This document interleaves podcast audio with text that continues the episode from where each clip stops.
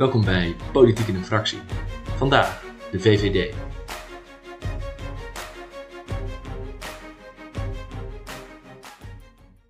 ...17 maart is het weer zover.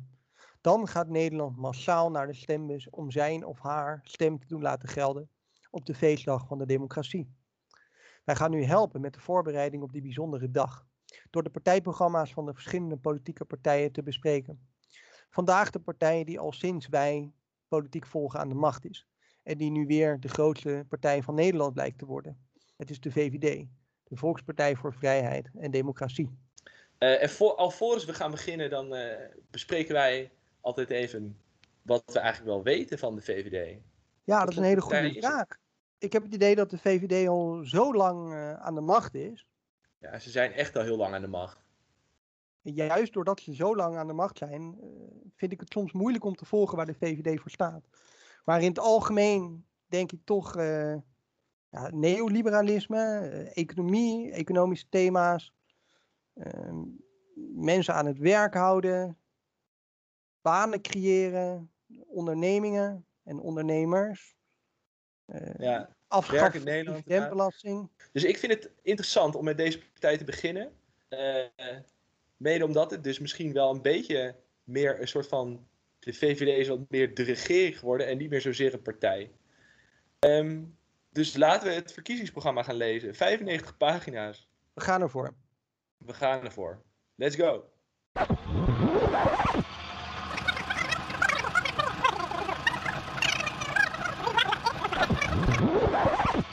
Nou, we zijn er doorheen. Poh. Poh. 95 pagina's. Ja, het is altijd wel eventjes... Het is wel even altijd een, een, een kluif, hè?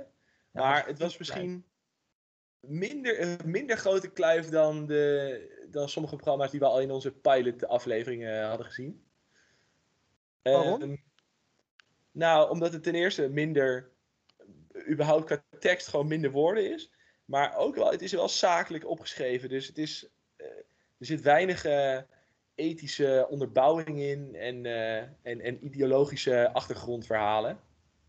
Het is redelijk uh, puntsgewijs allemaal, hè? Puntsgewijs. En ze hebben wel een aantal keer echt een beetje een soort van extraatje van... Uh, ja, zoals je ook wel in je, in je tekstboeken op school zag, altijd van die kleine uitlichting. Maar dat gaat dan over alcoholvrij bier en niet over de zwaarte van het leven. Precies. Dus ja. Dat herken ik wel. Ja. Um, ja. Zou je ons een beeld kunnen schetsen van uh, het algemene verhaal van de VVD, Luc?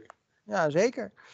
Um, in de inleiding uh, staat een citaat en dat wil ik eigenlijk toch even voorlezen, omdat het denk ik wel heel goed weergeeft waar de, waar de VVD ja, voor staat, de nieuwe VVD.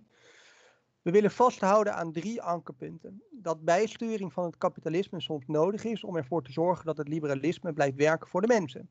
Dat een sterke overheid nodig is om bescherming te bieden waar nodig. En dat uitkomsten rechtvaardig moeten zijn. Gebaseerd op vrijheid, verantwoordelijkheid en wederkerigheid. Ja, wat hier volgens mij in zit is een soort combinatie van uh, uh, ook wel een soort uh, ja, trots op Nederland gevoel. Hè? We, zijn, we moeten het met elkaar doen. De Nederlanders moeten het met elkaar doen. Sterke overheid, weet je wel. Dus dat impliceert alsof het het dat ook al is. Maar is het het ook al? Ja, dat kun je je afvragen. En dat is gewoon wat de VVD wil. Een sterke overheid. Ja. En, het, en dat, dat moet dan gebeuren door het liberalisme dat ja, werkt voor de mensen. En dat wat, wat daarmee bedoeld wordt, is dat het kapitalistische systeem uh, bijgestuurd moet worden. En het is niet intrinsiek verkeerd, uh, maar er moeten wat aanpassingen gedaan worden. Ja, ja daar, daar, gaan ze ook wel mee verder in hoofdstuk 1. Dat hoofdstuk heet um, Economie en Ondernemen.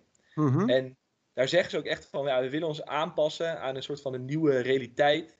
Uh, en, en dat, vroeger zagen ze, zagen ze de, de, de rol van de overheid als klein en terughoudend. En ze zeggen nu wel echt heel duidelijk van, ja, de, de, de overheid moet meer naar voren treden. En vooral waar dat echt nodig is, bijvoorbeeld bij grote monopolies van grote bedrijven. Mm -hmm. uh, de Apples, de Facebooks, de, de Googles van de wereld. Uh, we moeten als overheid, als sterke overheid, dus ook heel erg onze. Omdat ze een soort van hun speerpunt is dat de economie, die dus moet worden beschermd door de overheid, die moet werken voor de Nederlanders. Daar doen we het voor. door de Nederlander aan het werk te zetten. Met bonussen als je fulltime werkt. En kinderopvangtoeslag als je, als je kinderen hebt terwijl je zelf naar het werk moet. Ja, dat is wel interessant. Want dat lijkt echt een beetje andersom te zijn, of niet? Wat, wat bedoel je daar precies mee? Nou, dat het dus meer is. We moeten zorgen dat de Nederlanders werken voor de economie. En die economie die werkt dan wellicht voor de overheid. Maar het is vooral belangrijk dat de Nederlander werkt. Nou, en, en naast, naast dat uh, ze zich heel erg voor werkende mensen dus um, uh, neerzetten, is er een andere groep die ze ook heel belangrijk vinden, en dat is ondernemers. En wat heel interessant is in dit stukje, is dat ze heel erg specifiek zijn in de dingen die ze willen regelen voor ondernemers. Hoe specifiek dan? Extra ruling teams, garantieregelingen die niet-bankaire financiering beter moeten dekken. Uh, de bevoegdheden van de Netherlands Foreign Investment Agency moet worden vergroot. Nou, ik, kijk, ik heb het nu voor de gein hier even ingeplakt in, onze, in ons cheat sheetje. Maar ik als zeg maar gewoon uh, normale Nederlander zou niet weten waar het dan over gaat. Ik kan me voorstellen dat ondernemers misschien wel een idee hebben. Als volkspartij vind ik het toch raar dat dit al zo hoog in je eerste hoofdstuk al naar voren komt. Van dit soort super specifieke dingen. Je, je kwam er eigenlijk gewoon bijna niet uit. Nee. Of ik, ik, ook, ik kom er dan niet uit of dat nou belangrijk is of niet. En, en het klinkt me allemaal al wel als, ja, het, het maakt de regels simpeler en daar houden we misschien ook wel van. Maar is dat nou zo de, in, de, je belangrijkste boodschap op pagina 10 in hoofdstuk 1, weet je wel? We moeten de, de, de garantieregelingen die voor de niet-bankaire financiering beter dekken. Ja, is goed, weet je wel. Ja, blijkbaar wel. Blijkbaar is dat toch heel erg belangrijk voor de VVD. Dat, ja, uh, nou, dat is dus interessant. En dan is het eigenlijk opvallend dat, dat, uh, dat in dat eerste hoofdstuk gaat het al heel erg veel over werk. Maar dan is ook nog eens een heel apart hoofdstuk over werk. Dat is namelijk het tweede hoofdstuk. Ja, en hoe, hoe, komt dat, is dat dan, hoe komt dat dan uit de ver? Ja, dat is, uh, op zichzelf is het natuurlijk eigenlijk opvallend dat werk op de tweede plek staat. Maar het is dan ook nog eens zo dat er een bepaalde hiërarchie zit tussen de verschillende lagen waarbinnen werk een rol speelt. Hè. Eerst wordt de, onder de ondernemer besproken, dan de ZZP'er en dan de werknemer. En als je dan kijkt naar hoe zo'n programma dat dan is opgebouwd, dan lijkt alles erop gericht te zijn om mensen aan het werk te houden. We moeten ja. banen creëren. En of die banen nou echt van hoge kwaliteit zijn, daar, daar, gaat het niet eens echt over. Er moeten banen gecreëerd worden. En het liefst ook fulltime. Liefst fulltime.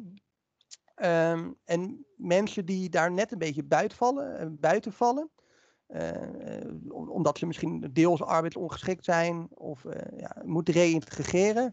Um, dat moet voor die mensen nog veel makkelijker worden om deel te nemen aan de arbeidsmarkt.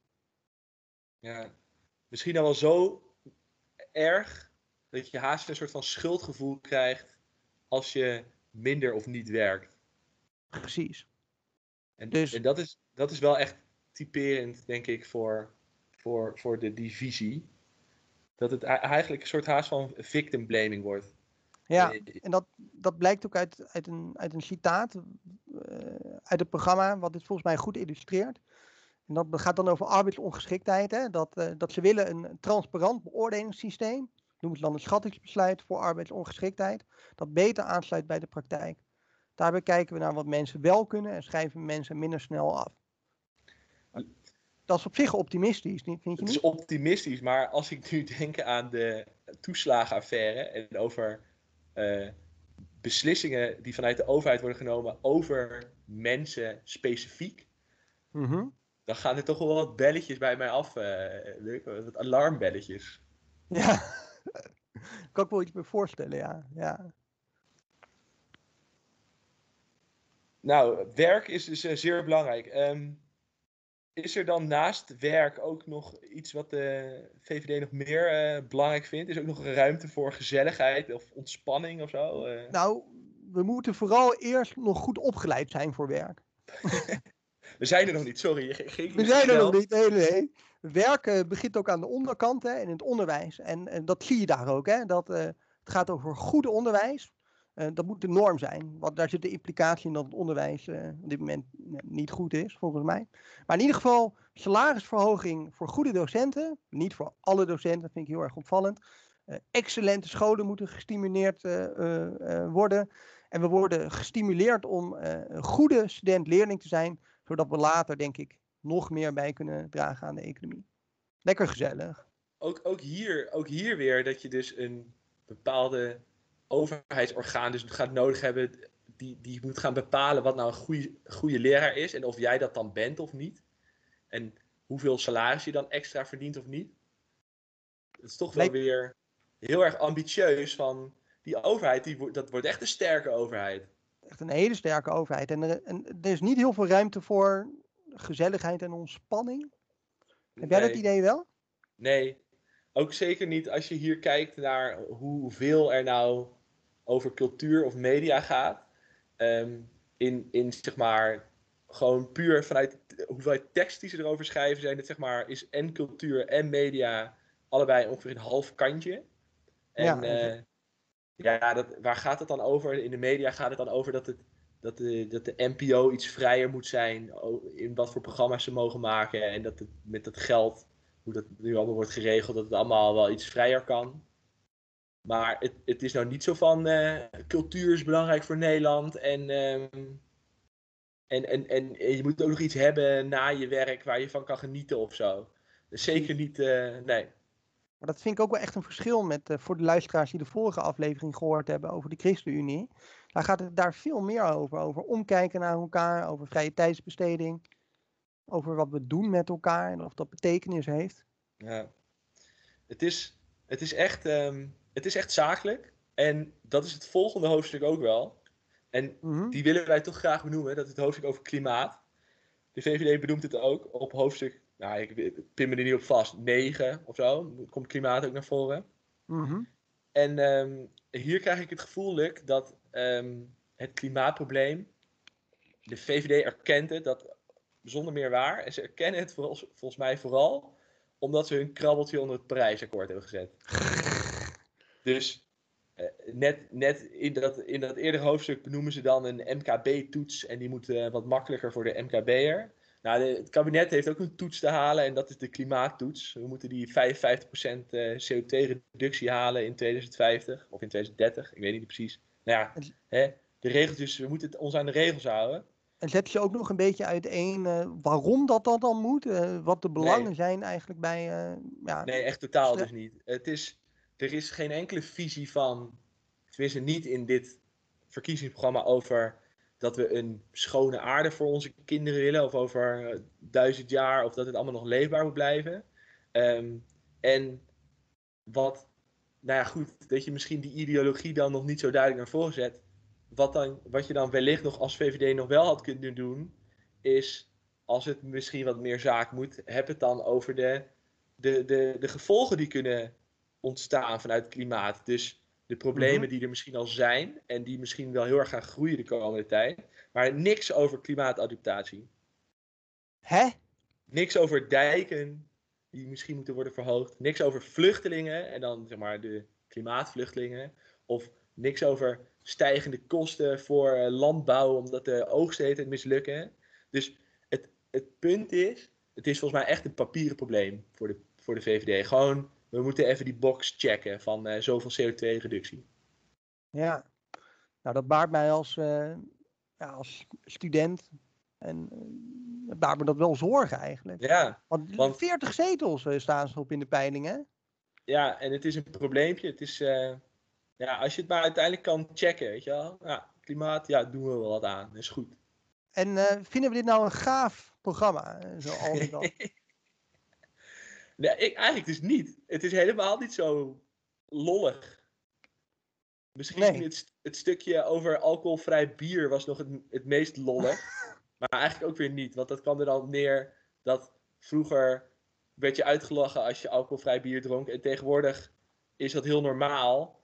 En uh, ook chill, want dan kun je langer aan het werk. Want je mag het ook gewoon tijdens je werk. En uh, ja, drinken is niet goed. Je kunt beter aan het werk gaan. Precies. Nou, en je blijft langer gezond. Hè? En, je, blijft langer gezond en dat is handig voor de cijfers. Cijfers groen, economie goed. Ja, het is echt het is, het is een onpersoonlijk, weinig inspirationeel programma. Het is echt extreem zakelijk. En wellicht spreekt mensen dat aan. Maar het getuigt nou niet van. Nou, wat vind wat- jij er nou van? Nou, wat ik me wel heel erg afvraag, Inno, is dan zit ik dan over na te denken dat, dat ik heb toch het gevoel, maar misschien zit ik ernaast, is dat, dat we vinden Rutte gewoon met z'n allen heel erg goed. Ze hebben gewoon eh, keiharde premiersbonus te pakken. Maar ik kan me eigenlijk niet voorstellen dat, hè, is een volkspartij, dat, dat het volk eh, echt massaal achter, achter zo'n programma kan staan. Want er, er spreekt zo weinig ambitie uit. Ja, nee. Nou, je merkt wel goed. We hebben het natuurlijk weinig over de poppetjes in deze podcast. En dat is, dat is denk ik, dat doen we zeker expres. Want dat willen we wel een beetje voorkomen. Misschien zit daar dan ook wel de charme van de VVD. Zijn de poppetjes interessanter? De hele show zit hem in alle mensen die de hele tijd moeten opstappen. En eigenlijk is de onderliggende, ja, hoe je het zegt, de onderliggende ideologie is heel saai. En ja, Precies, het doet me dan ook denken dat eh, een paar maanden geleden eh, zaten de, de nummers 2 tot en met 5 eh, van de VVD bij op één, weet je wel. Het zijn allemaal vrouwen. Helemaal trots op en dat is dan een, een, een uitgangspunt en dat vinden ze dan mooi. Maar waar staan die vrouwen dan voor en wat... Ja, ik denk er dan echt over na, want wat, wat, wat wil de VVD nou? En ze, ze willen inderdaad gewoon van alles dat kunnen ze ook gewoon weer gaan doen. Maar ze kunnen dan weer de premier leveren en dan weer zeggen van ja, wij, eh, ik, eh, dat Rutte kan dan weer zeggen, ik verbind het land en ik breng de verschillende partijen bij elkaar. ja. Ik weet van iedereen wanneer de jarig is. Ik kom met een appeltje, een afgeklopen appeltje de kamer binnen. Ja, Lekker, op, man. dat is toch op een gegeven moment niet meer goed genoeg, zou je zeggen.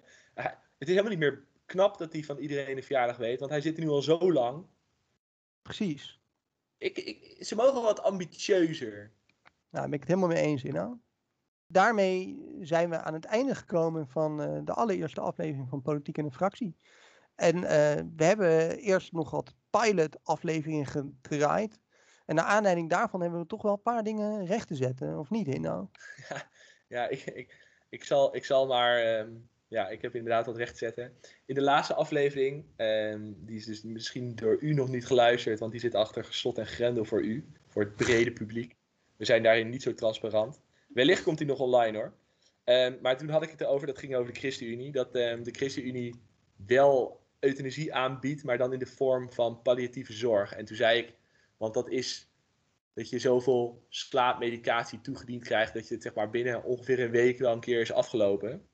En dat dat dan eigenlijk ook een soort van euthanasie is. Maar daar verwarde ik, en dat is mij heel goed dat, eh, dat men dat aan mij heeft verteld. Daar verwar ik palliatieve zorg met palliatieve sedatie. Waarbij sedatie dus inderdaad is dat je eigenlijk nou, het, soort van eindigt door iemand gewoon heel erg, heel erg eh, te, onder zeil te brengen. En palliatieve Mhm. zorg kan, is echt iets anders. Dat kan ook veel langer duren. Dat, is, dat kan jaren duren. En eh, dat is dus dat je gewoon vooral de symptomen van iets bestrijdt. Maar goed, daar ging ik mijn boekje te buiten. Ik ben geen arts. En, ehm, en, en mocht dit nou nog vaker gebeuren, dat ik dingen zeg waarvan, eh, waarvan u denkt van nou, Hino, wat zegt u daar? Stuur dan een mail, hè? Absoluut.